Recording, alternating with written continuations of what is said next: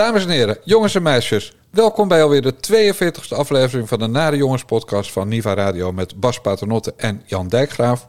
En we doen vandaag een Haagse special en we gaan niet terugkijken op de succesvolle aflevering van vorige week die het meest gewaardeerd werd, waar het meest op gedoneerd werd en waar we zelf eigenlijk ook wel het meest tevreden over waren. We gaan meteen beginnen met het nieuws van vandaag en vandaag is, we nemen dit altijd op op dinsdagavond, Vandaag is het dinsdag. En we gaan eerst naar Den Haag, want je hoorde het net al in het nieuws. De basisscholen gaan een week eerder dicht. Politiek verslaggever Lars Geert, goedemiddag. Goedemiddag, Olof. Is het duidelijk waarom dit nu besloten is? Het is besloten omdat de Omicron-variant een stuk besmettelijker is dan ze van tevoren hadden kunnen voorzien. Dus waar ze vorige week nog de hoop hadden als kabinet dat het niet nodig zou zijn om de basisscholen te sluiten, is dat deze week omgeslagen. Uh, het is zo dat het OMT had geadviseerd om de scholen inderdaad een week eerder dicht te doen. Dat had te maken met het feit dat ze niet wilden dat de kinderen vanuit de klas direct aan de kerstdiner zouden aanschuiven, omdat uh, ze daarmee heel snel opa's en oma's het virus zouden hmm. kunnen bezorgen. Doe het nou even wat eerder, zodat ze thuis in een bubbel blijven zitten. Het kabinet heeft vandaag zojuist besloten, bevestigen bronnen, om dat inderdaad te doen. Leg jij het uit waarom dit clusterfuck nummer zoveel is? Nee, jij bent er beter in. Want jij zit veel beter in, uh, in, in het dan ik. Ja, ook dat. Goed. Waarom adviseerde het OMT om uh, de scholen eerder te sluiten? Uh, een tijdje geleden al. Nou, dat deed het OMT omdat kinderen met kerst, dus de kerstdagen, uh, eerste kerstdag, tweede kerstdag, naar opa en oma gingen met hun vader en moeder of zouden gaan. En dan hadden ze uh, de week daarvoor, hadden ze dan al thuis gezeten omdat de scholen dicht waren in een zogenaamde bubbel. En waren ze dus niet zo besmettelijk op eerste en tweede kerstdag. Nou, wat gebeurt er nu? Die kinderen die zitten inderdaad een week in die bubbel, maar het is pas besloten op dinsdag, uh, ja, zeg maar de dinsdag een week voor de kerst. Uh, en wat betekent dat? Dat die ouders nu als een dolle uh, kinderopvang moeten gaan regelen. En dat kan eigenlijk niet meer. Dus waar gaan ze dat regelen? Bas? Bij, bij opa en oma. Juist. Dus die kinderen gaan volgende week, dat is de week voor kerst, vier dagen, van dinsdag tot en met vrijdag, als ze werkende ouders hebben, bij opa en oma zitten. Die kinderen zijn uh, niet ingeënt, want het zijn kinderen van 5 tot 12 en die groep is nog niet ingeënt. Dus dat betekent dat als die kinderen, uh, nou iedereen die ingeënt is trouwens ook besmettelijk, maar die kinderen die gaan dus opa en oma in hun bek zitten blaffen. En opa en oma, die zijn nog niet geboosterd, want die hele boosterprikcampagne ja, die gaat op zijn Hugo de Jongens. Dus die belooft allerlei dingen. Maar de meeste mensen, er zijn er een paar honderdduizend gevaccineerd, 60-plussers. Maar de meeste gewoon nog niet. Dus dat betekent dat die kinderen niet alleen op eerste kerstdag daar spontaan zouden komen met, uh, en ze in die bek gingen zitten blaffen. Maar gewoon een hele week bij opa en oma zitten. Dus, Bas, als opa en oma besmet raken. En opa en oma zijn niet geboosterd, dus zijn niet zo heel erg goed beschermd tegen het virus. In elk geval minder dan zou kunnen als de boostercampagne op tijd was begonnen. Dan komen opa en oma misschien in het ziekenhuis. En dan komen opa en oma misschien op de intensive care. En dan gaan opa en oma misschien dood. En als opa en oma op de... Moeten we nog maar kijken of opa en oma oud en nieuw halen. Nou, dat wel, want zo snel gaat het ook niet. Uh, okay, duurt een paar weken. Ik maak, ik maak, even een morbide, morbide grapje. Nee, ja. Het grappige is, er is hier ook gewoon kaart voor gewaarschuwd in de Tweede Kamer. Lise, Lise Westerveld heeft hier een motie over ingediend. Uh, Adje Kuiken die heeft het ook meermaals gezegd van... Kabinet, als jullie, als jullie dat willen doen met die scholen... dicht doen eerder dan de kerstvakantie... Uh, bereid het dan goed voor. Overval de ouders er niet mee. Overval de grootouders er niet mee. Overval de maatschappij er niet mee. Maar ja, klantje clusterfuck met zijn wufte schoentjes. Ja, dan gebeurt dit. Ja, en aangezien er een zak hooi, een, een mietje, een watje... een ongelofelijke slapjanus op onderwijs zit... namelijk Arie Slop van de ChristenUnie... laat hij dit ook gebeuren. Die slaat niet met zijn vuistje op tafel. Nee, die gaat er gewoon weer mee akkoord. Ja, nee, maar Arie Slop had ook al eerder gezegd... Hè? in principe willen we dit niet. In principe niet, nee. Maar uh, ja, ik, ik, ik weet niet. Uh, ik heb veel respect voor Arie Slop, maar ik weet niet hoe groot zijn invloed is op dit soort Ja, die is natuurlijk niet heel. Die man heeft helemaal niks te vertellen. Maar dan, dan komt hij dus niet op voor, de, voor het onderwijs. Maar, nee. maar wel voor de, voor de begrafenisondernemers. Ja, precies, precies. Ik dus. heb laatst nog een wel grappig stukje erover getikt. Want uh, vanavond, dinsdag, terwijl we dit opnemen, is dus de coronapersconferentie. En dan lekker dit soort dingen altijd uit. En uh, dat gebeurde vandaag dus ook. En toen heb ik even gekeken wie krijgt, krijgt als eerste het nieuws. Ja. Nou, dat was RTL Nieuws. Die brachten uh, het bericht om 24 minuten over één vanmiddag. En daarna uh, volgde het AD. Die bra bracht het bericht om 26 minuten over één. En als laatste NRC. En die bracht het om twee minuten over uh, half. Ja. Twee. En wat betekent dit dan? Nee, maar ik vond het gewoon geestig. Ja. Want, want, want de eh, RTL vliegt het aan met zeggen ingewijden tegen de politieke redactie van RTL Nieuws. En dan heb je het AD, dat bevestigen Haagse ingewijden aan deze nieuwssite. Ja. En dan heb je NRC, bevestigen bronnen rond het kabinet aan NRC. Ja. Dus dat is een soort, soort massa-appje wat er dan gewoon uitgaat. En al die lui die doen alsof ze het... Uh, exclusief hebben. En, uh, het AD schrijft sowieso alles over. Hè? Dat hebben ze ook gedaan met Borsato. Daar hebben ze gewoon de hele Telegraaf vandaag over geschreven. Ja, Zonder ja. bronvermelding uiteraard. Net als de Telegraaf nee, dat zelf doet. Het is dus ook een voorbeeld van dat Haarse kluitjesvoetbal. Ja, snap Want ze zitten, allemaal, ze, ze, zitten allemaal op hetzelfde. En ze hebben allemaal allemaal contact. Dus ik, ik, ja. Ik, ja, ik weet Gelukkig heeft Rutte beloofd dat er niet meer gelekt wordt uit het kabinet. nee, precies. Maar goed, die is niet in zijn eerste leugen gestikt. Maar weet je, het is, het is geen klein bier hè, waar we het over hebben. Dat de, de grootouders, en dat is de meest kwetsbare groep, die zijn in principe 55, 60 plus, mag je wel zeggen. Mm. En als ze 55 zijn, dan werken ze vaak nog, dus dan zijn ze geen oppas. Maar ouders, vaders en moeders, als het uh, twee oude gezinnen zijn, die zijn dankzij het kabinetsbeleid van de laatste jaren wel gedwongen om allebei te werken. Want anders kan je niet leven, kan je geen brood kopen.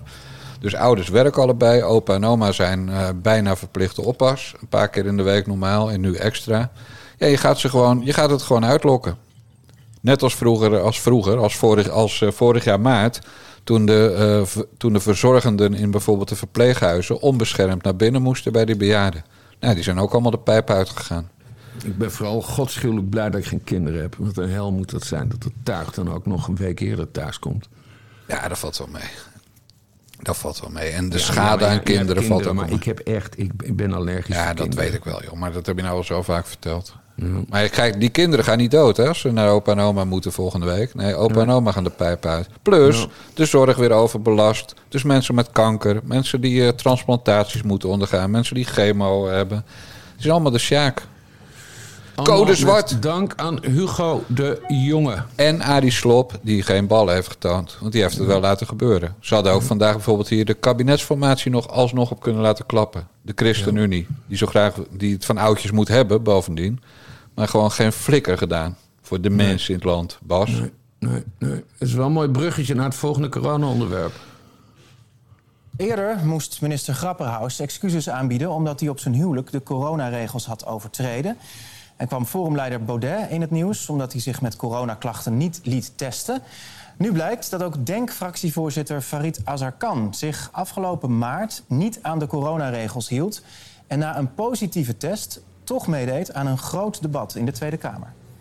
Denk had er drie en verliest er eentje, komt daarmee op twee. De verkiezingsuitslag lijkt voor Denk een teleurstelling, maar de partij krijgt toch drie zetels, blijkt een dag later. We staan op drie zetels, dat betekent dat deze kanjer de Kamer ingaat. Woehoe! Yes! Goedemorgen.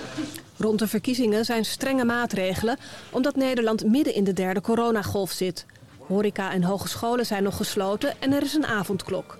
Maar Denk viert na de derde zetel een feestje waarna veel mensen besmet blijken met corona. Binnen Denk wordt iedereen opgeroepen zich te testen en ook de gekozen Kamerleden Kuzu en Van Baarle zijn positief. Zij gaan in isolatie. Ja, vandaag op de Haagse Markt natuurlijk zo snel als het kon om hier de mensen te bedanken. En bij het bedanken van de kiezers in Den Haag is dan ook alleen Farid Azarkan aanwezig. Die de volgende dag langs gaat bij de verkenners Olongren en Joritsma. Twee dagen later wordt bekend dat ook Olongren corona heeft. In een appconversatie van de nieuwe Denkfractie in bezit van Nieuwsuur appt Van Baarle dan... We kunnen wel mooi kabinet voor de bus gooien nu. Waarop Azarkan antwoordt... Kabinet gaat onverantwoord om met coronaregels. Maar de vraag is vooral hoe Azarkan zelf met de coronaregels omgaat. Want een paar dagen later wordt de denkleider positief getest. Zo laat hij ook per app weten. Ik voel me kip lekker, gisteren getest en positief. Een medewerker wil aan de Tweede Kamer doorgeven dat Azarkan voorlopig niet kan komen en appt... Farid, ik geef de Griffie door dat je aanstaande woensdag niet deel kunt nemen. Waarop Kuzu appt nog niet. En ook Azarkan nog niet doen. Ja. En twee dagen later is Azarkan gewoon aanwezig bij zijn installatie als Kamerlid. Dat verklaren we lopen. En de dag daarop, bij het beruchte debat over de positie van demissionair premier Rutte, doet Azarkan volop mee. Nou, zeg het maar, Paternotte. Jij, bent zo, jij vindt Azarkan zo'n topper. Nou ja, laat ik, laat ik het zo zeggen. Uh, uh, Denk heeft zich uh, sinds het aantreden van, van Azarkan als politiek leider heel constructief opgesteld. Het lijkt er ook op dat de partij niet meer zo woest reageert en opereert als, als vroeger. Maar ik denk dat we nu wel kunnen zeggen: trap er niet in. Ja. Nee, het ging helemaal los gisteren. Uh, Asserkan, old, echt oldschool op Twitter. Uh, dit is vals Nienke de Soete. Dat is, de, dat is die verslaggever, verslaggever van Nieuwsuur. Uh, ja. ja. En, en hij trekt haar, haar integriteit in, in, in twijfel. Daarna Toenhang Kusu, echt oldschool. Waarom deze rancuneuze journalist van Nieuwsuur... dan toch valse riooljournalistiek brengt... Zou het te maken kunnen hebben met de kritische houding van Denk ten opzichte van het coronabeleid, bla bla bla bla bla. Of heeft Nieuwsuur een appeltje te schillen met Azarkan? Nou, en zo ging dat met door. En, en de Zoet die ging ook weer reageren. En die zei: Azarkan liegt. En daarna Azarkan er weer overheen. Nee, ik lieg niet. Nieuwsuur is juist aan het liegen. Uit die appjes blijkt, uit het hele verhaal blijkt gewoon dat, dat positief in de Kamer is geweest. En, ik, en ik, ik, zie ook geen goede andere uitleg van, van de partij. En vind je dat heel erg?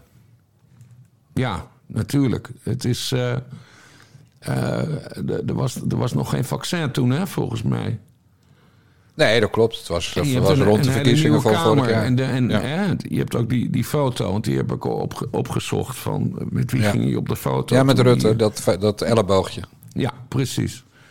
Nee, het is volstrekt, het is volstrekt onverantwoord. Hij heeft mensen in gevaar gebracht. Ja. Levensbedreigend. Bewust.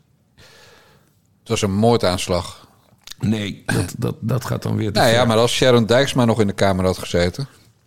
dan heb je toch over iemand uh, zeg maar, met, met onderliggend lijden... qua morbide obesitas. Nee, die is ook... Ja, dat weet ik wel, weet ik wel. Die is ontzettend veel Weet ik, Ik moet man. het opnemen voor... De, dat is mijn burgemeester, hè, hier in Utrecht. Oh man, het gaat, gaat gewoon om het, om het hypothetische voorbeeld. Dat Ja. die mensen, die, er zitten misschien wel mensen met nierkwalen in de Kamer, weet ik veel. Maar in elk Ja. geval, jij zegt dat hij het wel bewust heeft gedaan. Maar, maar kan je zover gaan dat te zeggen dat waar, zeg maar, waar Arie Slop en Hugo de Jonge nu de grootouders van schoolkinderen in gevaar brengen, dat Azarkan dat met Kamerleden heeft gedaan? Ja, hij heeft, dat, hij heeft dat met Kamerleden gedaan. En hij had natuurlijk gewoon thuis moeten, eh, thuis moeten blijven.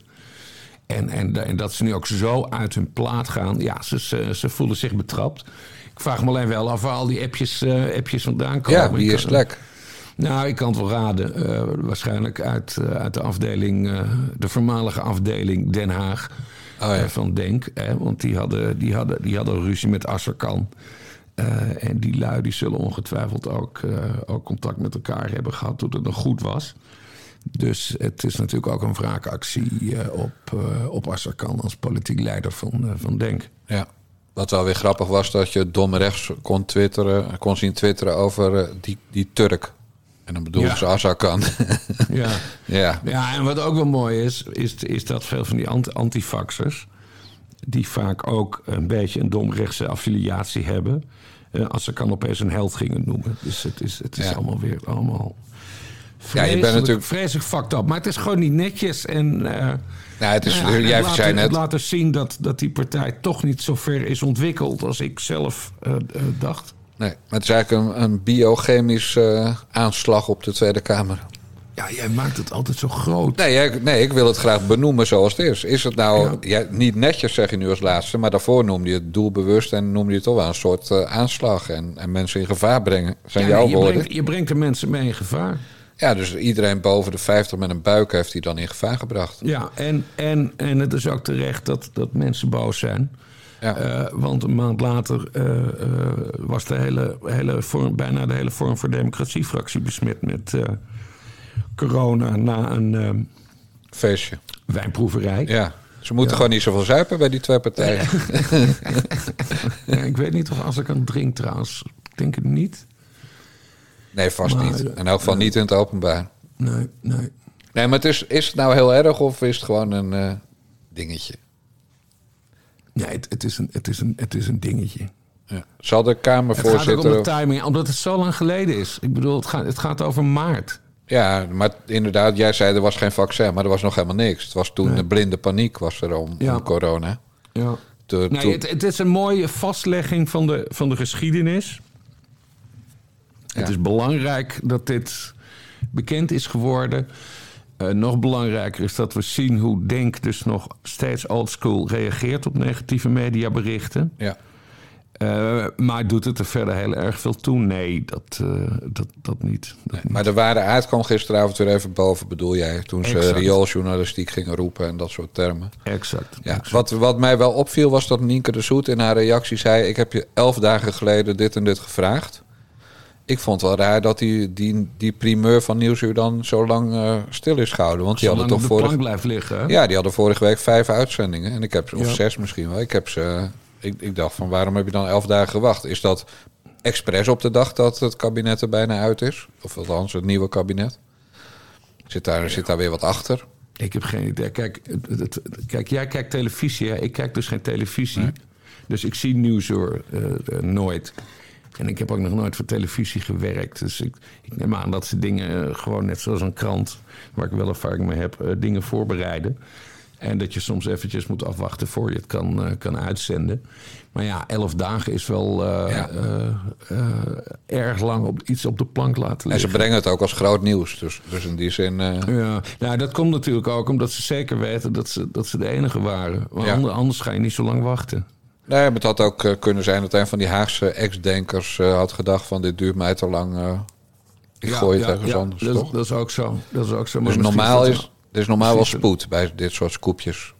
Ja, uh, ja. En dan gaan we even wachten of uh, Elif Isitman van de Telegraaf... of die dit scoopje nog gaat downplayen. ja, dat doen ze vaak bij Marokkanen. Dus uh, waarom bij deze niet? Ja, ik, nou, ik weet niet of ze heel erg pro-denk is hoor. Maar... Nee, nee, ik denk het niet, Bas, eerlijk gezegd. maar het goede nieuws, vinden sommigen... ja, dat was natuurlijk gisteren van ze zijn eruit, hè? En, en, en jij wilde niet Kaag horen, die daar heel blij om was. Maar je wilde iets anders horen, namelijk Wopke. Nou, we zijn in ieder geval heel blij dat we eruit zijn en we gaan morgen naar de fracties. Het heeft natuurlijk lang geduurd. Had af en toe ook wel iets van een, van een tangverlossing. Ja, toch weer over baby's, kinderen. Tangverlossing. Ja. Wat, wat vond je hier bijzonder aan? Nou, kijk, het zijn twee zaken hè, die gaande zijn. Want het kabinet probeert een beetje te spinnen, of althans de coalitiepartijen, dat het eigenlijk best wel snel is gegaan. En uh, allemaal hartstikke goed bezig. ja. Alleen Wopke Hoekstra die zegt, ja, een tangverlossing. En een tangverlossing is heel erg kut. Hey, dat was een leuke woordgrap die ik maakte. Nee, maar je gaat hem, ik ga zo nog even vragen om, of jij ook even aan de mensen die dat nog nooit hebben gezien of meegemaakt of hebben gegoogeld, uit te leggen wat een tangverlossing precies is. Maar ga verder. Um, nou ja, hij, hij, hij, brak dus een beetje met, uh, uh, met de toon die vermoedelijk wel vooraf was afgesproken. Dat het allemaal best wel snel was gegaan en dat we eigenlijk allemaal super blij moeten zijn. Uh, maar wie erop aansloeg, dat was GroenLinks-Kamerlid Laura Bromet. Dochter van, zeg ik er altijd bij, een van de weinige leuke GroenLinks-Kamerleden. Ja, ook trouwens het nichtje van de voormalige hoofdredacteur van De Snoeks. Voor zover je dat nog iets zegt. Ik heb geen idee wat een snoek is. Jongen, jongen, Bas. Je bent toch een stuk jonger dan ik. Wat dat was een, een, jaarlijks verschijnend uh, boek. Uh, op de actualiteit gebaseerd. Een soort, uh, zeg maar, de ouderwetse panorama, maar dan duizend pagina's. En mm -hmm. daarin stonden interviews en mooie verhalen en mooie foto's. Het was een legendarische uitgave elk jaar. En de broer van Frans Bromet, Joop Bromet, was daar hoofdredacteur van. Wanneer, en die heeft gewerkt bij het medium waar wij elkaar hebben uh, ontmoet, Bas. Panorama. Wat deed hij bij Panorama? Freelancer, net als jij. Maar wanneer? Over welke Nou, die periode? tijd, jaren negentig. En toen was hij ook hoofdredacteur van de Snoeks. Maar goed, ga verder. Ah, bizar zeg. Ja. Bizar. Laura Bromet, daar zat je weer mee Ja. te DM'en. Ja, nee, nee helemaal niet DM'en. Oh. Nee, in, op, op de openbare Twitter. Eh, want wat zij tweet, eh, ik heb een eh tangverlossing meegemaakt. Was heel erg. Ik wilde dood. Ja, Wopke ook. ja, en dus ik eh, te veel info bromet, waarop zij wel geestig zei. Altijd en overal transparantie. Ja, Sorry, maar hij heeft geen idee. En hij is dan, eh, dan, eh, dan Wopke. ja. Maar ik vond het wel, ik vond het medisch gezien erg interessant. Want ik wist helemaal niet dat, dat een eh, tangverlossing nog eh, bestond. En mijn grote held Frank Sinatra, geboren in 1915, Met tangverlossing? met tangverlossing. Ja. Daarom had hij een enorm, nee nee, maar daarom had hij een enorm litteken in zijn nek. Ja. Want ze hebben hem dus uit zijn moeder Dolly met een tang gehaald.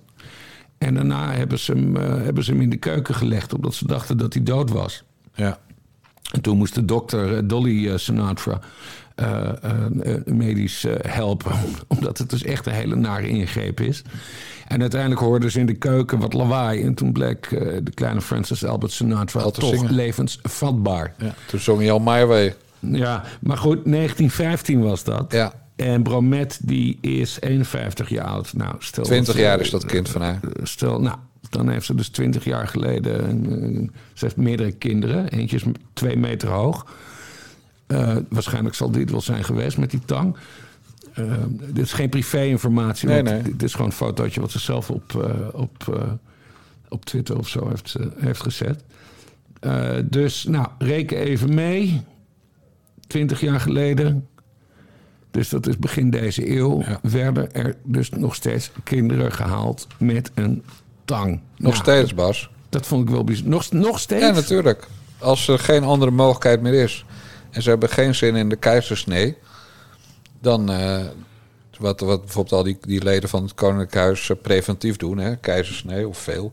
eh, dan doen ze nog steeds een tangverlossing. Wat bizar. Ik ben, ik, ben, ik, ben, ik ben van 76. Ik ben met de keizersnede gegaan. Ik durf te wedden. hey, we kunnen het nu helaas niet checken om- omdat we dit opnemen. Maar anders zou jij meteen bellen. Maar ik durf te wedden dat Chris Alberts ook met de keizersnee geboren is. Want? Nou ja, dat wilde ik net vertellen. Ik vond die beeldspraak van, eh van Wopke Hoekstra dus heel goed. Soms knijpt zo'n dokter te hard in die tang. En dan komt er gewoon eh, een, een mismaakt kind uit een beetje. Jezus Christus. En dat, is, Oh, en dat is Rutte 4, wilde ik dan zeggen. En dat is Rutte Alberts 4, is niet een mislukt kind. Hoe kom je daarbij? Chris Alberts is niet mismaakt, Jan Dijk. waar zat het litteken van Frank Sinatra? Ja, de linkerkant van de nek. De nek. En waar zitten je stembanden? Ah. Ah, ik, ik maak nooit grappen, Bas. Ik ben altijd bloedserieus. Leuke theorie. Dat bedoel ik. Maar goed, het, het kabinet Rutte 4 is dus met de tang gehaald. En dat klopt in alle opzichten. De bevalling duurde veel te lang. De bevalling eh, eh, ja, die was gewoon die was zeer onprettig. En dan pakt de dokter de tang en dan knijpt hij eh, aan, die, aan die kop. Ja, letterlijk gewoon met een tang om het hoofd en inderdaad tot de nek aan toe. En dan trekken ze dat kind er gewoon uit. Dat is een tangverlossing.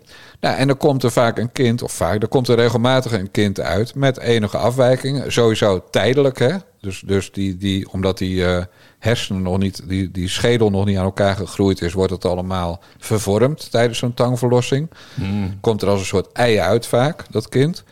Nou, soms trekt dat weg, maar soms blijft het kind ook mismaakt. En in die zin had Wopke Hoekstra helemaal gelijk. Rutte 4 is een bijvoorbeeld mismaakt, letterlijk en figuurlijk, kabinet. En dat gaat ook die, die komende drie jaar niet uitzitten, omdat er drie parlementaire enquêtes aankomen.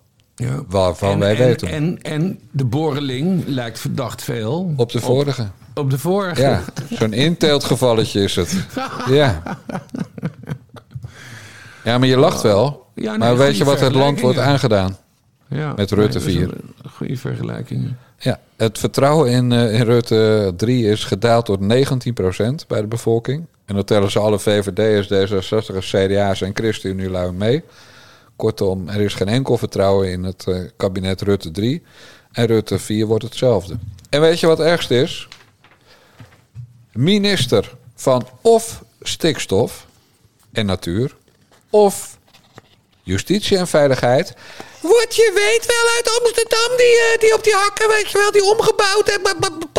Tok, tok, tok, tok, tok, tok, tok, tok, tok, tok, tok. Ja, die. Ja, Dylan, Dylan, Dylan, Dylan. Dylan gaat promoveren van staatssecretaris van Klimaat, moet ik om lachen, tot minister. Want ze heeft het zo goed gedaan. Ja, His Masters Voice gespeeld. Het Ja. bandje afgedraaid. Ja. Heb jij hele harde aanwijzingen voor trouwens? Nou ja, eh, wacht maar af. Ja. En, en als er een... eh, want het moet allemaal divers zijn... en dan hebben ze het over, eh, over 50% vrouwen. Maar echt divers is natuurlijk ook pigmentverwenden erin. Ja. Ook lichamelijk gehandicapten. Niet alleen Hugo's, eh, Hugo de Jongens met narcisme... die gewoon blijft. Nee, ook een queer...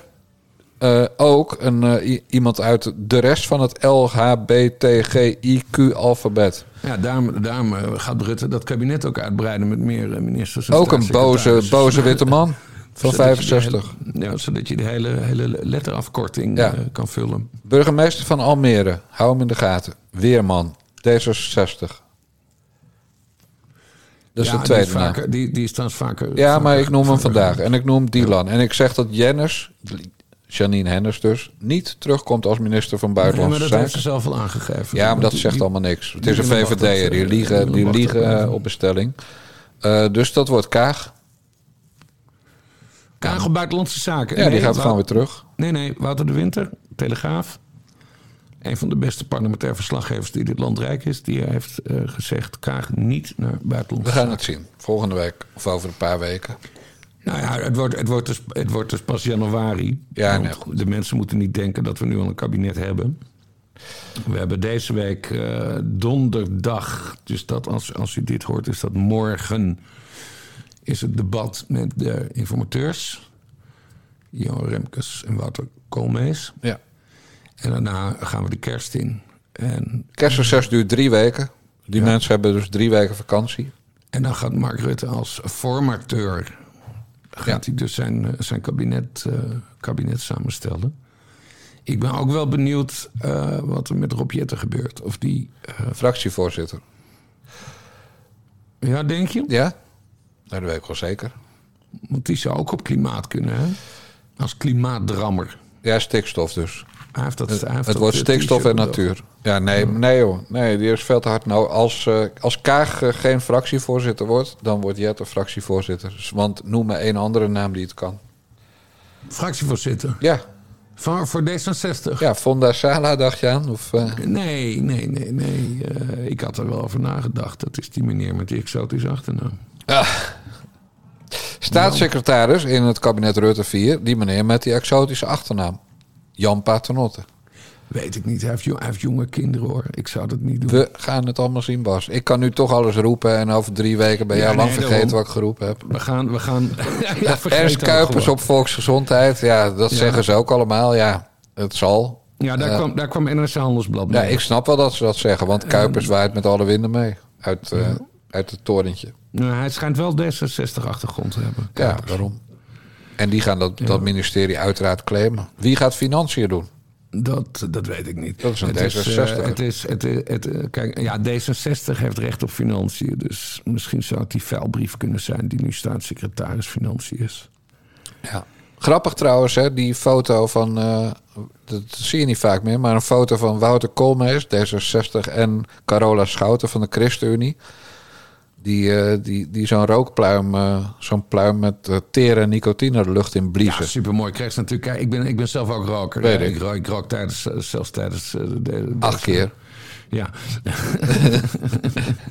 ja, nou, maar die krijgen natuurlijk enorm gezeik. Het, maar sowieso, we moeten ook stoppen met dat domme Twitter. Dus Nee, dan, met zie je roken. die, dan zie je die foto voor, voorbij komen. Overigens van David van Dam. Dat is een geweldige freelance fotojournalist. Heeft meermaals eh, eh, prijzen gewonnen voor zijn foto's. Ehm, en dan gaan mensen zeiken. Van, oh, dit en dat. En rook is slecht. En we moeten dit op een eh, sigarettenpakje zetten. Dit is gewoon een heel mooi beeld... van wat er op die dag politiek gebeurt. Er zijn dus twee partijen, of, of er zijn uh, vier partijen met elkaar aan het onderhandelen. En je ziet dan uh, de informateur Wouter Koolmees met de secondant van de ChristenUnie, Carola Schouten, even samen een sigaretje roken. Ik vind dat super, super mooi beeld. Weet je wat ik dan denk? Van, ik vond die, ik ben natuurlijk al honderd jaar getrouwd, maar ik vond die Carola Schouten, zeker voor iemand van die partij, altijd wel een lekker wijf. Ik denk dan, ja, je wilt toch niet in een asbak staan likken met je tong, hè? Dus dat valt dan meteen af als ik ooit uh, weduwnaar zou worden of een schop onder mijn hoor krijg van mevrouw Dijkgraaf. Ja, maar je bent sowieso veel te oud voor Carola Schouten. Oh, die valt weer op jong zeker? Ik heb op de cover van Panorama gezet, hè? Ik weet, meer, ja, weet niet meer welke verkiezingen dat waren. Maar toen, toen mocht je nog uh, ongestraft stukjes stikken als... dit zijn de lekkere wijven van... Uh, uh, die u na de verkiezingen gaat terugzien. Ik zal, ik denk dat 2010... Ja, moet Zit er al zo lang in, ja. Kan. Ja. En toen mocht dat nog. Ja, maar nu denk ik echt van ja... politica nog een lekker wijf noemen. Het mag nu niet meer. En waarom niet eigenlijk? Ja, dat, ja dan gaan we toch. Ze zijn er haast niet meer. De, de wokie, wokie bullshit. Ja, Bas, daar hebben wij natuurlijk scheid aan. Ja. Overigens kan ik iedereen in dat kader natuurlijk wel de geweldige TPO-podcast van Brussen en Velo aanraden. Want dat wordt langzamerhand elke week een woke special. En dat is echt geweldig. Ja, maar ze houden die ontwikkeling ook heel goed bij. Ja, dat bedoel ik. Van dat, dat is gewoon, Die schetsen gewoon in één jaar uh, podcast... Schetsen ze, schetsen ze de hele vertieving van Nederland. Ja, en de, en de rest van de wereld. Maar dat nou ja, is top. hè, ze, ze, ze, letten vooral erg op Amerika, maar ze weten heel goed de link naar Nederland te zeggen, ja, leggen. Omdat het, het, begon in Amerika, de hele woke-discussie, en met name op universiteiten. Daarna werd het steeds breder en breder en kreeg je BLM en, en uh, met, die, met die die criminele meneer die, die wel, denk ik, onterecht aan het einde van zijn leven is gekomen. Ik ben, ik ben zijn naam kwijt. Hij heeft een standbeeld inmiddels, geloof ik. Oh, George Floyd, ja. ja, ja, Floyd. seriecrimineel. Ja, en, en, ja, en dan duurt het even een jaar. En ja, en dat zie je dus ook in Nederland uh, gebeuren. Dus nee, dat, dat zijn echt chroniqueurs van, van... Doen ze heel goed. Ja. Ik zou zeggen, al die onderdelen van hun podcast achter elkaar plakken eind van het jaar, een oudejaarsspecial. En dan, uh, dan, dan zie je hoe hard het gaat. Ja. Uh, dit is allemaal voor jouw 47ste. Jij bent 45 toch? Of 46? 45. Ja, dus voor jouw 46 is het allemaal ingevoerd in Nederland. Ja. Nee, ik word 45. Ik, oh. ben, ik ben 44. Voor jouw, vier, voor jouw 45ste zijn we zo woke als tyfus. Ja, dat zou zomaar kunnen. 1 september. En Bas, Jij weet nog dat uh, even iets heel anders, hè? Maar oh ja, oh, oh, even over privé dingen. Sinds vanochtend weet ik dat jij al tot het rijk der oudere mannen behoort. Ja, dat appte. Oh god. Ik, ik kijk vanochtend, uh, best, lieve dames en heren, even, even, even iets tussendoor.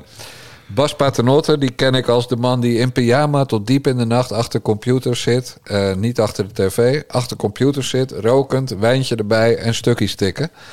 Uh, tot diep in de nacht. En Jan Dijkgraaf staat bekend als iemand die om tien uur in slaap dondert, waar die ook is. Dat kan achter het stuur van, uh, van de auto zijn, dat kan op de bank zijn, dat kan in een bed zijn. Maar s'avonds om tien uur gaat deze oude lul slapen. En deze oude lul zat om negen minuten over vijf stipt wakker. Uh, bioritme, geen wekker. En vanochtend om vijf uur 54 zag ik opeens op WhatsApp dat Bas Paternotte daar voor het laatst op had gekeken op dat tijdstip. Op WhatsApp. Dus ik vraag aan Bas Paternotte...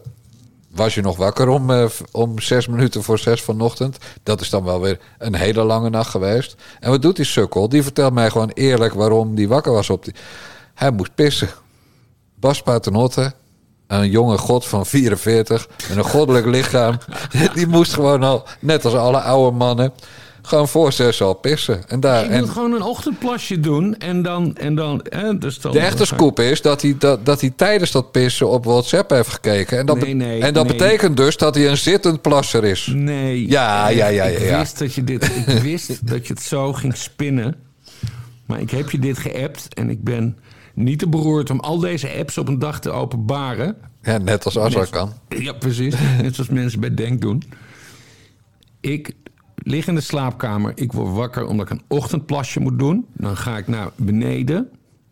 Doe ik mijn ochtendplasje. Bril omhoog. ben ik klaar. Doortrekken. Bril omlaag. Voor uh, huisgenoten M. Uh, dan ga ik weer terug naar boven, ga ik in bed liggen. En dan ga ik uit een automatisme even snel op de telefoon kijken. Even de Twitter, even de WhatsApp. Wat staat hier? Wat staat daar? daar, Het duurt niet langer dan anderhalve minuut. Daarna leg ik de telefoon weg. Laat ik misschien nog vormelijk een scheetje. in je Emma-matras. dan val ik weer in slaap. En dan ga ik gewoon verder slapen tot een uur of tien. Want ik begin nooit voor tien, zoals je weet. En uh, zo is het gegaan. Ja, het is mooi dus verhaal. niet dat ik... Uh, ik geloof er geen pers van. Ja. Maak je ook het toilet schoon of doet huisgenoot M dat? Huisgenoot M doet dat. Laten we trouwens dat huisgenoten en dan één letter afschaffen. Want dat is van de witte mannetjes en de remarkers. En de, ja, en zij heet ook gewoon Monique. Dus dat, uh... Ja, daarom. Mevrouw Paternotte kan ook. Mevrouw Paternotte. Maar goed, we waren toch in de privésferen bezig. Zoals bekend zei mevrouw Dijkgraaf vorig weekend... en naar aanleiding van de Soumaya S-affaire...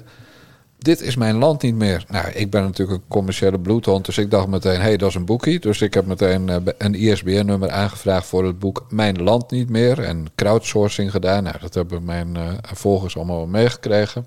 Hmm. Maar ja, de dijkgraafjes zijn ook nogal van het impulsieve. Dus op het moment dat een van ons zegt: Dit is mijn land niet meer. En de ander, dat was dus mevrouw Dijkgraaf. En de ander kijkt naar buiten. En die ziet een grijze, grauwe lucht en regen. Ja, dan zit je dus op Funda. Dus ik belandde in uh, Frankrijk, kasteeltje, Portugal, in de buurt van de Vlieger. Uh, zag trouwens een prachtig huis. Uh, maar mevrouw Dijkgraaf is niet zo erg goed bestand tegen echte hitte. Die, die heeft een zonneallergie. Nou, dat is best lastig als je in Portugal zou wonen of in Zuid-Frankrijk. Dus ik dacht gisteren, nou weet je, ik ga eens even kijken in Denemarken. Want Denemarken is net Nederland. En in Denemarken is de plaatselijke PvdA wel verstandig. En Denemarken is het land waar kindhuwelijken niet worden toegestaan. En die bruidjes van 15, 16 en 17 bij hun man worden weggehaald. Met desastreuze gevolgen voor de minister. Maar dat terzijde. Maar ik kom opeens een huis tegen in Denemarken met een oprijlaan. En mevrouw Dijkgraaf is al heel lang leven gek van of notariswoningen of huizen met een oprijlaan. Nou, en toen uh, ging ik even kijken naar het huis. En dat kostte 1,6 miljoen kronen, Deense kronen. En dan pak je je... Oh, wat doet de kroon nu? ja, ik wou zeggen, dan pak je dus je rekenmachine. En de kroon is 13 eurocent. Dus we hadden het over een vrijstaande boerderij... op 5500 vierkante meter, met oprijlaan. Voor met, 90 euro. Nou, voor 220.000 euro. Ik kan niet hoofdrekenen, dus... Ja, maar 221.000 euro. En dan koop je in Nederland, in het westen van het land... In Amsterdam koop je daar een garage voor. In Hoofddorp een, een Agenebisch eenkamerappartement. En in Friesland een keurig uh, rijtjeshuis. Dat is ongeveer de verhouding. En daar heb je dus in, in Denemarken een waanzinnig huis voor. En dat huis lag ook nog in de buurt van een heel mooi uh, heidegebied. En in de buurt van de Deense Wadden. Kortom, Jan Dijkgraaf gaat emigreren. Hebben we nieuws? Nou, dat nog niet. Uh, want mevrouw Dijkgraaf moet er altijd een nachtje over slapen. En ze kwam vanochtend beneden. En toen ik ben al vroeger, hè, dat weet je, vijf uur. Dus ik te kijken, heeft Bas nog gepist of, uh, of heeft, heeft hij de hele nacht uh, volgehouden? Zo doe je dat met baby's. maar mevrouw Dijkgraaf kwam, kwam beneden en die zei... ik, ik heb vannacht gedroomd en ik was alles kwijt. Ik had geen huis meer, ik wist niet meer waar ik naartoe was. Nou, dat was dus het signaal, het feest gaat voorlopig niet door. Mm. En een aantal uren later zei ze ook, uh, ik ben er nog niet aan toe. Maar ze zei ook, ja, maar ik wil wel even gaan kijken, want het is nu ook daar kut weer. Dus ik kan beter nu gaan kijken dan in de zomer, wanneer het mooi weer is. Want dan word je verliefd en dan wil je het. Ik wil kijken in slechte omstandigheden. Ja. Dus de kans is aanwezig dat wij nog dit jaar, voor, uh, het is maar 337 kilometer van ons huidige huis... Dus de kans is aanwezig dat wij uh, nog dit jaar uh, de auto pakken, naar Denemarken gaan. Uh, je hoeft alleen maar een, een QR-code te laten zien bij de grens. Dat is een, dat is een dag rijden, denk ik? Nee joh, dat is vijf uurtjes. Okay. Max. ik rij, als ik rij is het vijf en een half uur. Als Thea rijdt vier en een half uur. Dus die rijdt namelijk wat harder. Ja. maar dan gaan we dus voor twee dagen daarheen. even het huis bekijken, even de regio goed bestuderen, hotelletje pakken. En uh, ja, ik ga, ik ga er geen enkele druk op leggen, want dat werkt alleen maar averechts. Maar wij hebben natuurlijk de mazzel dat we hier al 15 jaar wonen in dat vrijstaande huis in Friesland. En dan heb je een zekere overwaarde. Dus het is uh, geen rare gedachte dat we dan van onze woonlasten af zijn. Ja. Dat we namelijk dat huis dan gewoon van de winst kunnen betalen in één keer. Ja, ja, ja, ja dat soort argumenten. Bas, wij hebben nog 4,7% hypotheekrente. Dus uh, wij betalen ons helemaal scheel aan het huis. Ja, dat, dat wordt dan toch even een ander verhaal wat je moet verdienen per maand. Ik vind, uh, ik, ik vind dit, eh, deze eventuele emigratie uh, minder ingrijpend dan die van andere vrienden van mij. Ja, Portugal. Want je zegt het is vijf uur rijden, dus dat, dat betekent dat je dus relatief gewoon dicht bij Nederland bent. Gewoon. Eigenlijk wel. Dus dat je ook gewoon terug naar Holland uh, kan als je een afspraak hebt. Ja. Of, uh, In elk geval twee dagen is ja. goed te doen. En want mijn vriend Bert Brussen, die woont op fucking La Palma. ja. Waar nu al maanden een, een, vulkaan aan het braken is. Maar gelukkig aan de goede kant van het eiland, namelijk niet de plek waar hij woont. en dan hebben we nog mijn nieuwe baas Bart Nijman, ja, die vriend. naar Portugal gaat.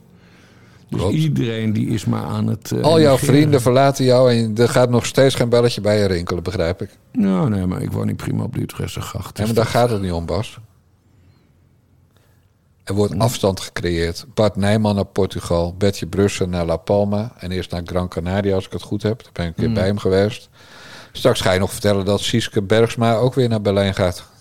Ja, en dat Chris Albers naar uh, Thailand gaat of zo. Ja, oh mijn god, het is allemaal weer zo smerig. ja. Het is allemaal zo smerig. Nee, ik denk dat die jongen van... Heeft corona, heb je dat gehoord? Ja, dat is grappig. Nee, dat is, natuurlijk niet grappig, dat is heel vervelend voor haar. Maar ja, zo, zij is in elk geval iemand die zeker weet dat het toch geen gevolgen heeft. Griepje. Nee, je ziet dus ook heel veel mensen, dat viel mij direct op... Hè, van, oh, Sietske Bergsma heeft corona. Oh, oh, dus dat ze er een grapje van maken. Ja, maar corona is dus geen grapje. Nee. Het is een, uh, het is een Rus Russische roulette waarbij ook gezonde mensen een niet kunnen trekken. Ja. De kogel kunnen, letterlijk de kogel kunnen krijgen Ja. van Hugo de Jonge. Dus ook Sietske, en dat wens- gunnen wij ik wens natuurlijk niet. Sietske Bergsma echt alle beterschap toe via deze plek. En jij doet dat, denk ik, alleen lichamelijk. En ik wens haar dat ook geestelijk toe. Dan Nou, geestelijk, is, nee, geest- ge- geestelijk kan ze ook wel een booster gebruiken. Dat, zeg ik Dat je. bedoel ik. Ja. Ja. ja, ga je mijn grap uitleggen, Bas. Zullen we overgaan, nu toch over, eh, eh, zeg maar... Ja, het was gewoon een bruggetje van jou. Komt-ie hoor, die gast, weet je wel? Komt-ie. Nederlanders hebben Nederland niet verlaten. Maar Nederland heeft wel de Nederlanders verlaten. Of beter gezegd, jullie hebben de Nederlanders in de steek gelaten. Iedereen hier is bezig met huisvestingsfondsen, miljoen woningen bouwen in tien jaar. Maar niemand durft te benoemen waarom dat überhaupt nodig zou zijn. Als jullie en jullie partijen niet 50 jaar lang de halve wereld hierheen hadden gehaald, dan zouden we niet in deze problemen zitten. Ja, deze partijen, VVD, CDA, D66, ChristenUnie en PvdA, zijn verantwoordelijk voor de ondermijning van ons land en onze bevolking. 4 miljoen mensen werden hierheen gehaald. 4 miljoen. En dan tellen we alleen nog maar de eerste en tweede generaties. De derde en vierde worden niet eens meegerekend. 4 miljoen mensen. Wat een impact dat heeft, heeft gehad op onze maatschappij. Stel je voor dat dat niet gebeurd was. Stel je voor hoe ons land er dan uit had gezien. Ja, Bas. Het is een Freek Jonsen. Freek Jansen met zijn wufte kapsel. Ik weet niet wat die FVD'ers allemaal met hun haar doen. Maar je hebt dus eh, je hebt een marmot. Ja. eh, Gideon van Meijeren, die, die echt een bizar kapsel heeft. Maar Freek Jansen lijkt ook wel een soort toepet te hebben. Er zit een enorme, enorme kuif op. Ja. Enfin, ik heb dit fragment uitgekozen. Eigenlijk tegen mijn eigen regel in. Want ik Ja, heb- geen aandacht aan die luister, geen ik heb inderdaad op zondag eh, geschreven dat we geen aandacht moeten geven aan, eh, aan Freek Jansen. Hè. Dat schreef ik in Bassie of op geen, op geen stijl. Omdat dat hele vorm van democratie volstrekt irrelevant is. En dat het zo voorspelbaar is dat trouwens de mij volstrekt onbekende eh, D66er. Moet ik even goed kijken hoe je dat uitspreekt. Faisal Boulakjar. Faisal Boulakjar. Dit is ook wel een vorm van, van racisme, hè? Wat? Nou, niet even zo'n mannetje bellen met hoe spreek... Of vrouw, wat is het? Hoe spreek ik jouw naam Nee, uit? dat is een man. Ja, grapje. Maar eh, niet even bellen met hoe spreek ik jouw naam uit. Maar gewoon, hup, gewoon lekker verbasterd op, in de eten gooien. Ja, eh, dan moet je zien hoe de naam paternotte vaak wordt uitgesproken. Ja, Jan. Met, met, nee, maar vooral paternotte, dat vind ik echt zo vreselijk. Het is pater, paternotte. Ja. Nog beter is meneer paternotte. Eh, Zo zegt eh, Erika Meiland van het boek van Erika.nl altijd Erika met een C. Die wordt pislink, Fox Wild, als je het met een K schrijft. ja, Ja, maar goed, dat terzijde. heb ik Ja, toch even de URL genoemd. De kok met COCK. Ga verder. Freek. Eh, ik wilde dus helemaal geen aandacht geven aan die, eh, aan die Freek, Freek Jansen. En dat betoogde ik dus dat we daar dus ook mee moeten stoppen in mijn column. Maar bedoel je gewoon doodzwijgen? Ja, doodzwijgen. Ja, oké. De hele partij? ja, de hele partij. Alles? Ja, tenzij, tenzij natuurlijk iets bizars gebeurt, maar... Je hoeft niet als. En want D66 maakt er een sport van. Net zoals Pechtel dat vroeger met Wilders deed. Altijd erbovenop springen. Je maakt die gasten alleen maar groter. En we weten inmiddels met al die antisemitische appjes en dingen. dat hele vorm van democratie is knettergek en het deugt niet. En, en ga niet bij mij klagen dat de media er te veel over schrijft. Want uh, dat komt alleen maar omdat je dan zo'n D66er hebt die, uh, die ruzie loopt te zoeken. Ja. Dat gezegd hebbende, dan hebben we Leo Lucassen. Directeur van het Internationaal Instituut voor Sociale Geschiedenis en hoogleraar aan de Universiteit Leiden. Eveneens bekend als totaaldeuger. Die had dat debat vorige week dus ook gezien. En die schreef er een column over in NRC Handelsblad. En die column die werd uh, maandag in de papieren krant gepubliceerd. En uh, zondag al op internet. Hè, want NRC is ook... Uh, internet Chevy. Chevy. Ja, internet first, moet ik zeggen. Uh, maar er gebeurde iets interessants. Ik ben zelf namelijk digitaal abonnee bij NRC Handelsblad. En toen verscheen er maandag, wat dus niet in de krant stond... Uh, de volgende correctie. In een eerdere versie stond dat Freek Jansen zou hebben gezegd dat 4 miljoen niet-Nederlanders terug moeten naar hun eigen land. Dat klopte niet. Dat ging om huidige statushouders. De alinea is hierboven aangepast. Maar dat was dus Leo Lucassen die ja. dat had geschreven.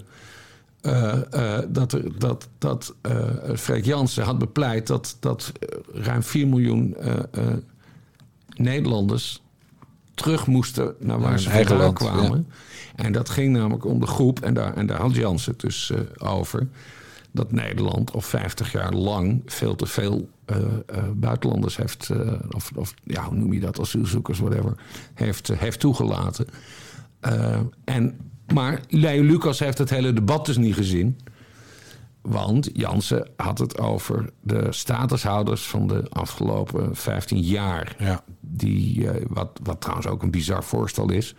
Daar heeft Pieter Omtzigt tijdens dat debat ook nog wat over gezegd. Maar ik vind dat zo kwalijk aan zo'n Leo Lucassen... dat hij dus dit soort nepnieuws... Uh, via een gerenommeerd medium als NRC Handelsblad... Vermeend gerenommeerd, ja. Nee, daar heb je helemaal gelijk in. En van die Leo Lucas vraag ik me altijd af... krijgt hij nou per tweet betaald of zo... waarin hij de boel mooier voorspiegelt dan het is? Want als, als je zou zeggen van... Uh, ik, ik hoorde toevallig Ankie Broekers-Knol een paar jaar geleden in Brabant. Er waren mm. problemen met asielzoekers die de winkels leegroofden. Mm. Er is een klein groepje dat, weet je. En, en Lucassen... Die is ook zo, hè? Van op het moment uh, ter Apel, dat zou uh, Lucas zou zeggen ter Apel, joh, als je de kans hebt, moet je daar op vakantie heen. Daar gebeurt nooit iets. Daar, dat is de beste plaats in Nederland om op dit moment te verblijven. En ja, follow the money zeggen ze wel eens. Ja, ik ben echt benieuwd of die gast uh, extra geld krijgt voor vreemde leugens. Ja, nou, ik, daar, daar, daar geloof ik helemaal niks van. Want Hij is gewoon gek. Zoiets komt dan uit. Uh, het, het, het, is gewoon heel erg kwalijk.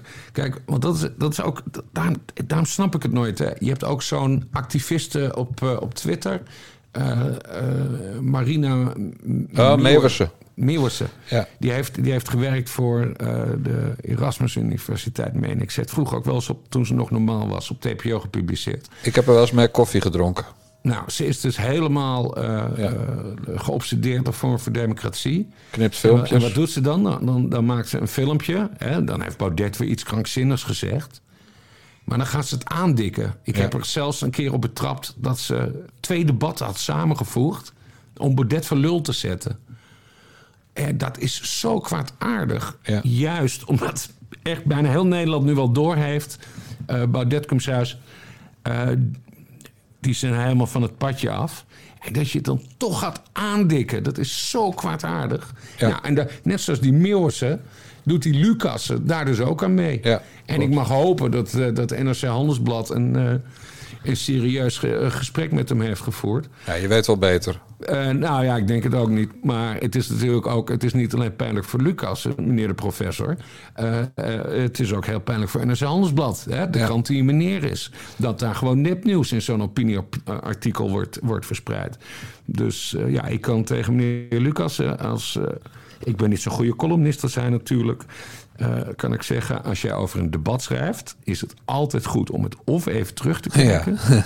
of even de handelingen te lezen, zodat je niet dit soort belachelijke fouten maakt en uh, ja, jezelf in de voet schiet. Ja, het is natuurlijk wel zo dat de meeste NRC-lezers gewoon denken als ze lezen wat die Lucas schrijft, ja, dat klopt. En die, ja. die correctie, ja, die ziet natuurlijk lang niet iedereen, hè?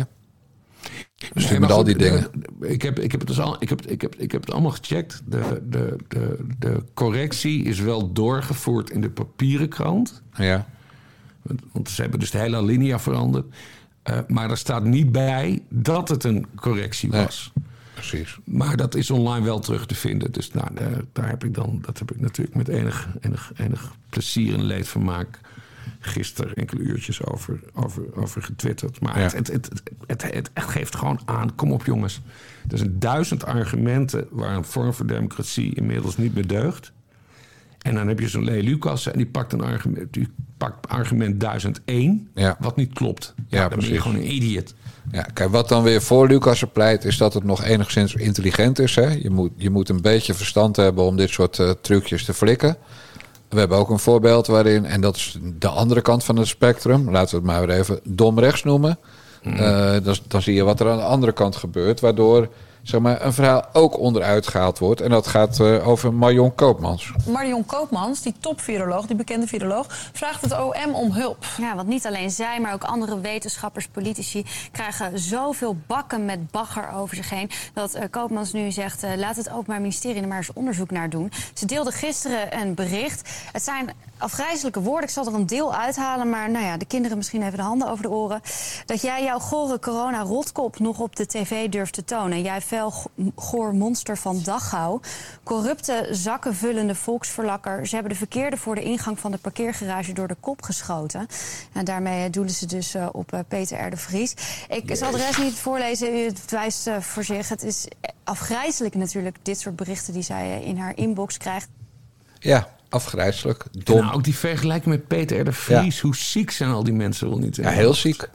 Ja, en, en vandaag zijn, ik had er een briefje van Jan over geschreven, want ik ben die hufters zat, omdat ze de argumenten van mensen die wel gewoon fatsoenlijk zijn en wel goede argumenten hebben tegen waar Koopmans allemaal voor staat, ja, die worden natuurlijk volstrekt waardeloos op het moment dat dit soort schreeuwlelijke ongeveer hetzelfde roepen als jij. Dus ze, ze, dienen de slechte zaak in plaats van de goede. Ja. Maar vandaag op Twitter ja, zijn er toch weer mensen... ja, maar jij hebt het nu niet over het feit dat ze uit die en die commissie is gegooid... omdat de Chinese communistische partij haar betaalt.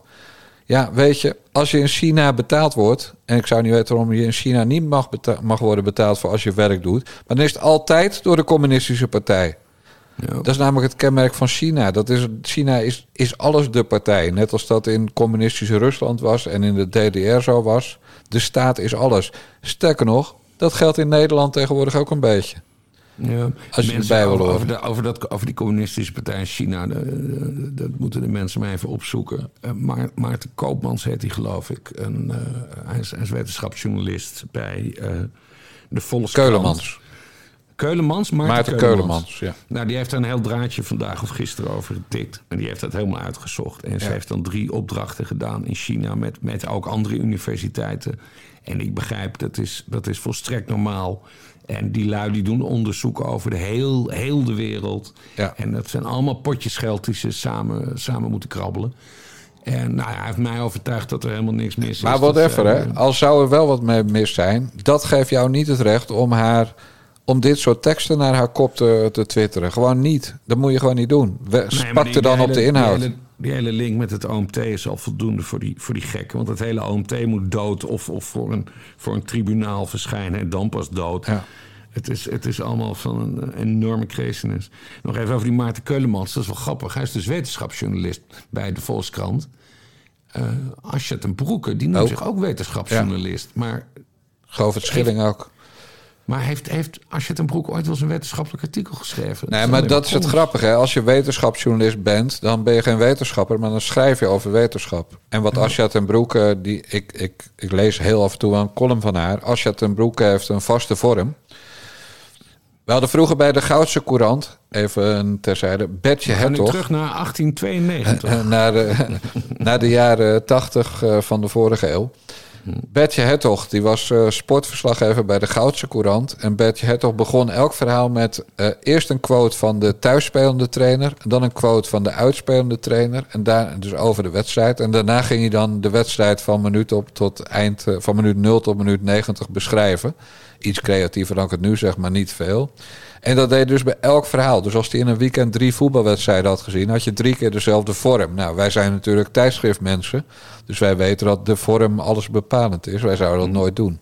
Maar Asja ten Broek heeft ook een vaste vorm. En dat is dat ze al haar kennis en al haar stellingen haalt ze uit, Amerikaan, uit Amerikaanse wetenschappers. En meestal zijn dat vrouwen.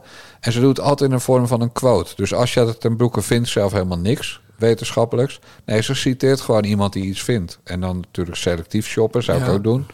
Maar dan, ja, kijk, Govert Schilling is ook wetenschapsjournalist. Maar die weet alles van eh, astronomie. Ja. En, en eh, die schrijft er ook 380.000 boeken over. Dus, En Maarten Keulemans is ook een echte. Die doet ook zelf onderzoek. Maar als je ten Broekers enige onderzoek bestaat uit... ik zoek een citaatje dat bij mijn betoog past... en dan heeft een wetenschapper het zo gezegd en dan is het zo. Ja, en toch noemen ze zichzelf wetenschapsjournalist. Ja, maar ja, Bas- ik zie heel weinig van die Maar dan, jij mag jezelf ook wetenschapsjournalist noemen. En net als je zelf juridisch eh, adviseur mag noemen... en journalist, whatever... het zijn allemaal onbeschermde termen. Dus als je ten Broeke leest wel eens een boek van een wetenschapper... en noemt zichzelf dus wetenschapsjournalist... terwijl ze natuurlijk... Kijk, net als dat ik mezelf buttkikker noem en eigenlijk coach ben... Ja, zij, zij noemt zichzelf wetenschapsjournalist en columnist... maar ze had ook een exclusieve term voor zichzelf kunnen bedenken... en dat is chef Yankee Boe. Ja, want dat is het enige wat ze doet. Yankee Boe. Nu ook weer. Als je geen, geen prik neemt tegen corona... Ja, dan doe je eigenlijk haar wat aan. Want zij is kwetsbaar met, dat, met die dikke vette pens en de rest van haar. Dus moet iedereen maar een vaccinatie gaan nemen. En als je dat niet doet, ben je een soort onmens. Je haalt het in je harsers. Maar goed, er is ook wel een wetenschapper te vinden... die, die zal uitleggen dat ze er helemaal niks aan kan doen... dat ze zo dik is. Want ja, dat vind je altijd. Kijk, de meeste mensen... en ik ben een ouderwetse boerenlul... elk pondje gaat, do- gaat door het mondje. Absoluut. En je kan zorgen dat je afvalt... door meer eh, calorieën te verbruiken per dag... dan dat je erin eh, duwt aan de bovenkant. Ja, zo simpel heb ik het geleerd. En er zullen best mensen zijn met allemaal hormoondefecten... en noem allemaal maar op. Maar de basis is toch echt dat je het er allemaal zelf in hebt gepropt. Asja ten Broek, hè? Want die luistert natuurlijk elke week naar ons, snap je wel, Bas. Heimelijk een beetje verliefd op jou, hè? Ja, Want jij bent toch Bob de Roy voor haar en zij lijkt ook op Bob de Roy. Oh, dat is, oh, man.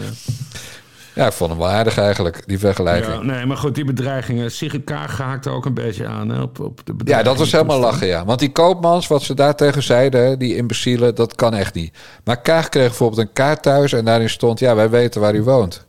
En uh, dan doet ze net alsof dat een bedreiging is. Maar die, ja, ze is gewoon gefotografeerd. Althans, dat huis is gefotografeerd. Dat heeft in de Telegraaf gestaan. Nee, nee, NRC Handelsblad. was Of NRC het. Handelsblad. Zijn we weer terug bij NRC Handelsblad. Ja, weer hè. Die, die hebben Kaag nu ook in gevaar gebracht door haar huis te, te fotograferen. Even Ja, op daar, hadden ze, daar hadden ze ook spijt van. Want ik heb met de Ja. chef destijds daar contact over gehad. foto weggehaald. Maar dan is het al gebeurd. weg. want er is een screenshot. Ja. Nummertje 50. Straat zal ik niet noemen, want ik ben niet zo. Ja.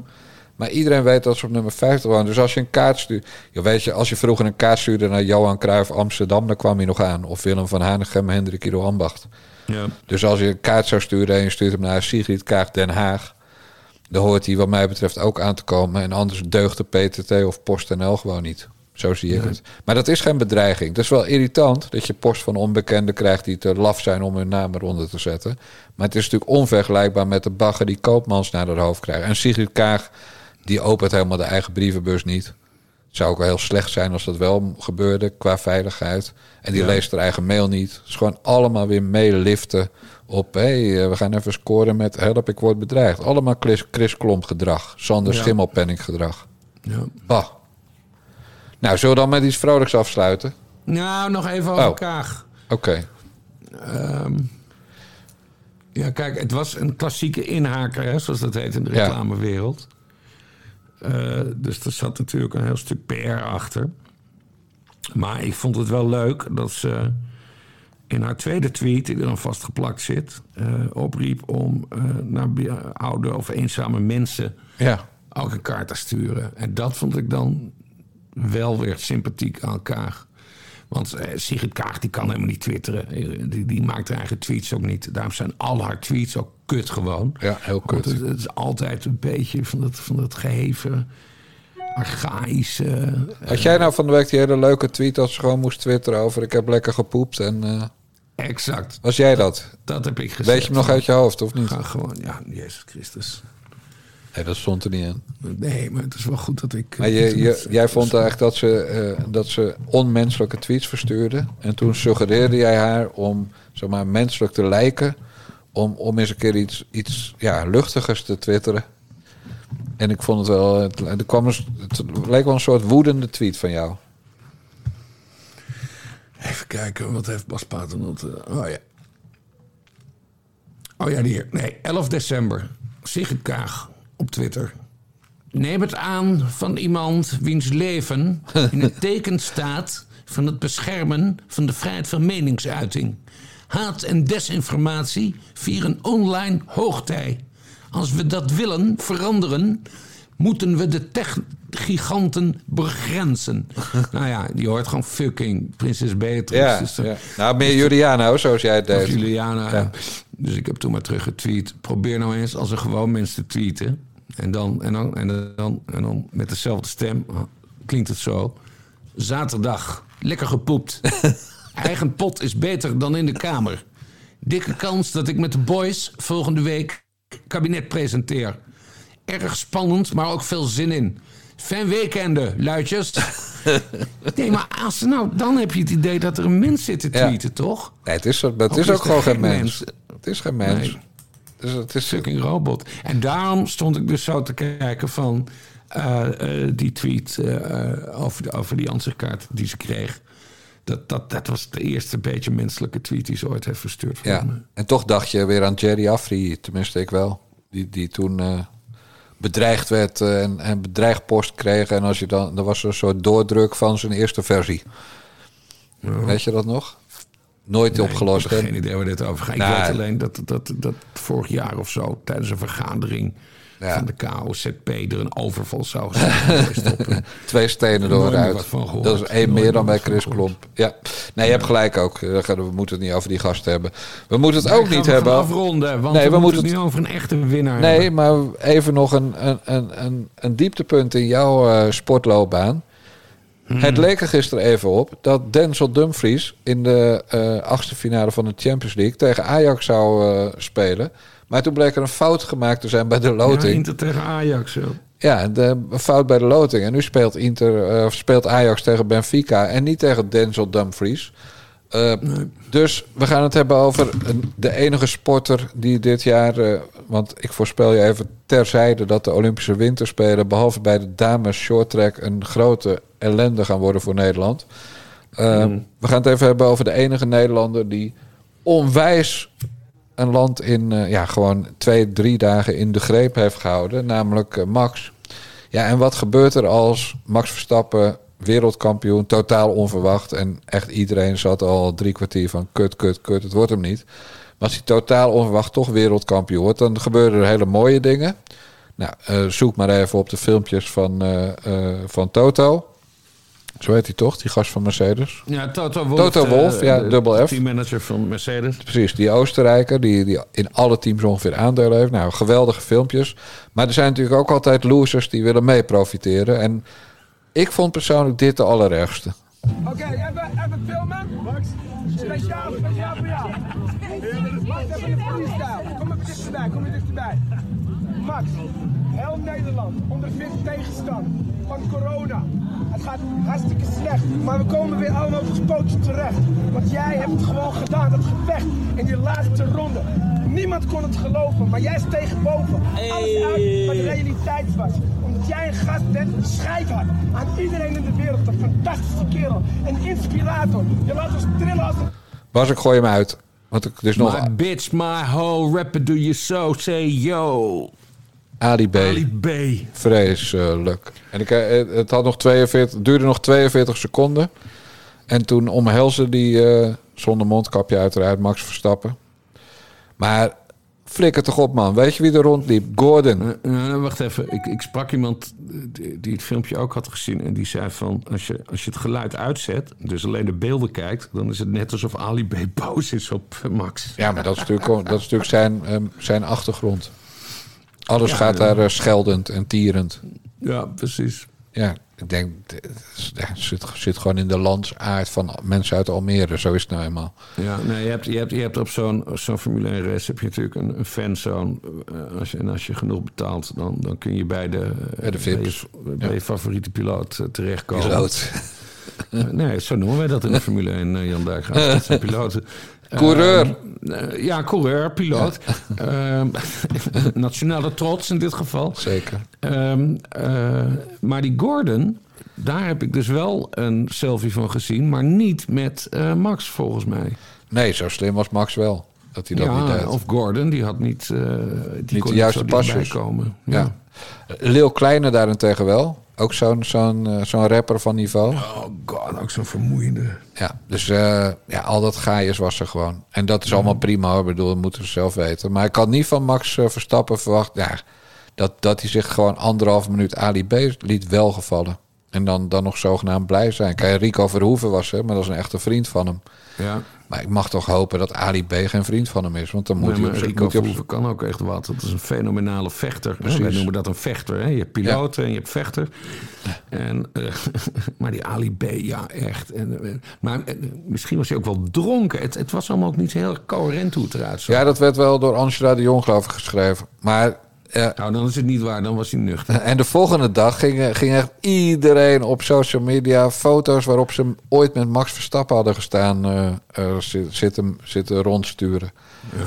Van, kijk, Louis Bové, de, de bekende sportjournalist Louis Bové, uh, van voorheen actueel, een fenomeen.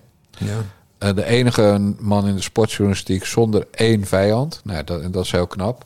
Maar die deed dan bijvoorbeeld een foto uit Stamperschat, waar hij vandaan komt. Uh, en waar Max Verstappen dan als ventje van nou, misschien vier of vijf jaar karten door het dorp reed.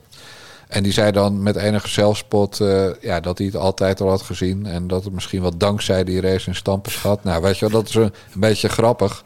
Ja. Maar al die sneuneuzen die dan foto's rond gaan sturen met ik sta op de foto met Max Verstappen. Jezus Christus, man, hou nou toch op. Er is maar één selfie die ik, uh, die ik nog een keer ga maken met een uh, sporter. En dat wordt Denzel Dumfries. Mijn eerste Denzel Dumfries. Ja, dat, dat, maar dat is ook een gimmick mag kopen.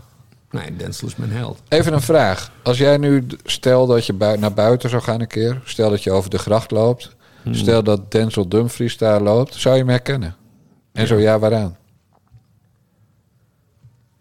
Aan, uh, aan zijn flamboyante loop. Omdat hij met 80 km per uur aan het wingbacken is. Ja, maar niet op de gracht, Bas. Dus nu even serieus antwoord. Ja, ja, ja, ja, ja, ja, ja Ik heb je te pakken, hè? Ja, nee, nee, we gaan het... We maar gaan Max dit, Verstappen wel. We gaan dit niet doen. We gaan het nu niet over, over pigment hebben. Waarom? Is, nee, maar dat bedoel ik, ik helemaal ik niet. Heb, ik heb dit... Nee, natuurlijk bedoel je dat niet. Ik, daarom oh ja, Patrick Kluivert was er ook. Grappig. Patrick Kluivert bij een uh, autorace. Ja. Of, of moet zag... ik het weer uitleggen aan mensen die niet weten dat hij autoracete op het dak bij de Amsterdam Arena en een uh, Vlaardingse schouwburg-directeur ja, nee, doodreed? Los van het feit dat Patrick Kluivert iemand heeft doodgereden, het, het, viel, het viel Sportmin en Twitter gelijk op. Want ik kijk zo'n race namelijk mede met Twitter, want echt gewoon perfecte tweede scherm. Hij zag er bescheten uit. Guido de aantrekker zag het ook. En wat is bescheten? Uh, Michiel Blijboom zag het ook. Nou, ontzettend afgevallen. Oh, en, dat. En, en bleek. Hè. Wat knap bleek, is. Bleek. Ja, ja, dat is knap als je Patrick Kluivert bent. dat je er ook bleek uitziet. Het lijkt wel of hij iets onder de leden heeft. Nou, dat moet je nou weer niet zeggen. Dat vind ik altijd eng, zulke dingen. Ja, nee, maar het viel iedereen op. Het viel iedereen op. Enorm afgevallen en bleek. Maar goed, zijn vrouw was bevriend met de Rachel Hazes. Dus uh, kunnen al gekke mm. dingen gebeuren in, in het leven van, van de volwassen man. Patrick. Kluivert. Maar goed, Kluivert werd geloof ik ook nog bij een of andere uh, Ziggo Sport of zo... werd hij nog geïnterviewd over autoracen. Ja, ja, dat zag ik hem. Ja, dat is toch zo... Dat is, oh, dat was het. Ja, zo dom. Kluivert ja. over... Ja, nee, uh, Ik reed minder hard toen met meneer Putman. Ja. Ik was Nee, niet zo maar goed. goed dan, het- ja, dat is ook, het is misschien ook een beetje de euforie die op dat moment dat heer Jack Ployd deed volgens mij het interview. Dat is die pit Die reporter. tandarts, of niet? Die tandarts, ja. Ja. van- bekend van zijn implantaten. Eh, nee, maar goed, eh, Kluivert over autoracen. Het is allemaal zo fucking pijnlijk. Ja. Ja. Nou, mooi. Ja, nou, Heb- hebben we er weer een week gezellig eind aan gebreien, Bos. Maar het was mooi, hè? Mooie sport. Ik zag mensen die gewoon tot vandaag, dinsdag aan toe, nog die filmpjes van die Toto Wolf aan het bekijken zijn. Honderd keer desnoods. Ja, en het allermooiste is... Het, het ging natuurlijk allemaal om de eindfase. We gaan dat verhaal niet weer helemaal overdoen. Maar je hebt dan de FIA, dat is zeg maar de reisleiding. en Toto Wolff, de baas van Mercedes... die gaat dan dus over de, over de radio eh, klagen. Eh, eh, ja, deze beslissing is belachelijk. Hè, want er zaten vijf auto's tussen, Ja. tussen Hamilton en Max. En heeft besloten ze eruit te halen. En, en dus hij boos, boos, boos. En dan zegt die meneer van de FIA, de, de, de, de raceleider... die zegt van Toto, eh, dit is een autorace, eh, vriend. Ja, dat was mooi. Ja, prachtig, prachtig, prachtig. Nee, het was, het was historisch. Ze gaan wel stoppen trouwens met eh, het uitzenden van die... Ziggo. nee, de debatten tussen de raceleiding en de teams. Oh, echt? Om die reden? Ja, ja. Meen je dat? Ja, ik heb dat ergens gelezen. Ja, want ik ik vind ga- het wel jammer. Want het is volgens mij ook redelijk recent dat ze dat, dat, ze dat deden. Maar ja, goed, dan wordt dat er weer uitgehaald. Jammer, jammer, jammer. Het volgende, Bas, ga ik heel zachtjes zeggen. Ja. Want dat mag niet bekend worden, maar ik denk eigenlijk dat Toto Wolf wel een punt had. Hij had zeker een punt over dat inhalen achter de safety car. Maar goed, dat had geen invloed op de wedstrijd. Maar ik denk dat hij ook Ja, een punt had. niet inhalen. Nee, je mag er niet Max voorkomen. liet even zien Nee, goed. de langste lul had. Dus Ja. hij ging Nou, prima. Heel Dus- e- hij ging heel even... Nou, wat zal het zijn geweest? 30, 40 centimeter. Ja, precies. Eventjes voor eh, eh, Hamilton. En daarna liet Max zich weer Als jij, terugzakken. als jij dingen zegt als 30, 40 centimeter realiseer je hopelijk wel hoe pijnlijk dat voor onze vaste luisteraar Sandertje Schimmelpenning is. Hè? Want die haalt de 10 nog niet. Maar goed, dat terzijde. Ik zei al, dat maakt mij niet zoveel uit. Maar het Nee. tweede, dat alle, eh, ten eerste moeten volgens de reglementen alle auto's die gelapt zijn weg. Dus, en, en alleen maar de auto's die tussen die twee in zaten moesten weg. Mhm. En ten derde kun je afvragen of die safety car niet daardoor te vroeg wegging. En die laatste ronde eigenlijk niet gereden had mogen worden op deze manier. Maar gewoon had moeten wo- moeten worden afgemaakt achter de safety car. En dan was eh, eh, Hamilton gewoon wereldkampioen geweest. Ja. Maar dat heb ik allemaal niet gezegd, alleen gefluisterd. Ja. Dus ik denk Ik- dat hij, En Hamilton was trouwens een klasbak, hè? Dat hij hem feliciteerde, ja. Ja, en zijn vader vooral was ook mooi. Ja, Hoogtepunt was natuurlijk inderdaad Jos en Max Verstappen. Dat, Ja, die foto. Oh, maar zij huilen. Ik moest ook huilen. Ik ben een hele gevoelige jongen. Het was allemaal zo prachtig. Ja. Nee, het is heel bijzonder. Eerst schreeuw je ze echt. Schreeuw je me over die finish. Ik heb het hier staan schreeuwen in mijn werkkamer. En eh, Monique beneden ook schreeuwen. Dus, dus nou ja, de buren waren waarschijnlijk ook aan het schreeuwen. Ook al wonen er Iedereen. veel GroenLinksers Ja, op de iedereen behalve Huub Bellenmakers en, en Sandertje Schimmelpenning. Oh mijn god, die bellenmakers die ook ging zeiken. Van, ah, het is een vieze sport. bla, bla. nou mee, Maar kapitalisme. daarna, dat, dat beeld, dat live beeld, het was ook zo goed dat die camera erbij mocht. Dat die vader en zoon, eh, waar ze twintig jaar, ze hebben hier echt meer dan twintig jaar aan gewerkt hè. Ja, dat als, klopt. Als vierjarige Max al in zo'n karretje. En, en, en eh, nee, het was, het was allemaal zo fucking prachtig en ontroerend. Nee, ik vond het heel mooi. Zo is dit een hele rare week. Want zondag moesten wij huilen om Max Verstappen. En morgen moeten tienduizenden, zo niet honderdduizenden mensen huilen dat het tuig dat de toeslagenaffaire op zijn geweten heeft, gewoon weer een nieuw kabinet gaat vormen. Ja, ja, ja. Het is om te janken. Heer Paternotte. eh, Het is echt om te janken. Wij gaan het allemaal op de voet volgen. Juist. Moeten Dit. de mensen wel iets voor doen.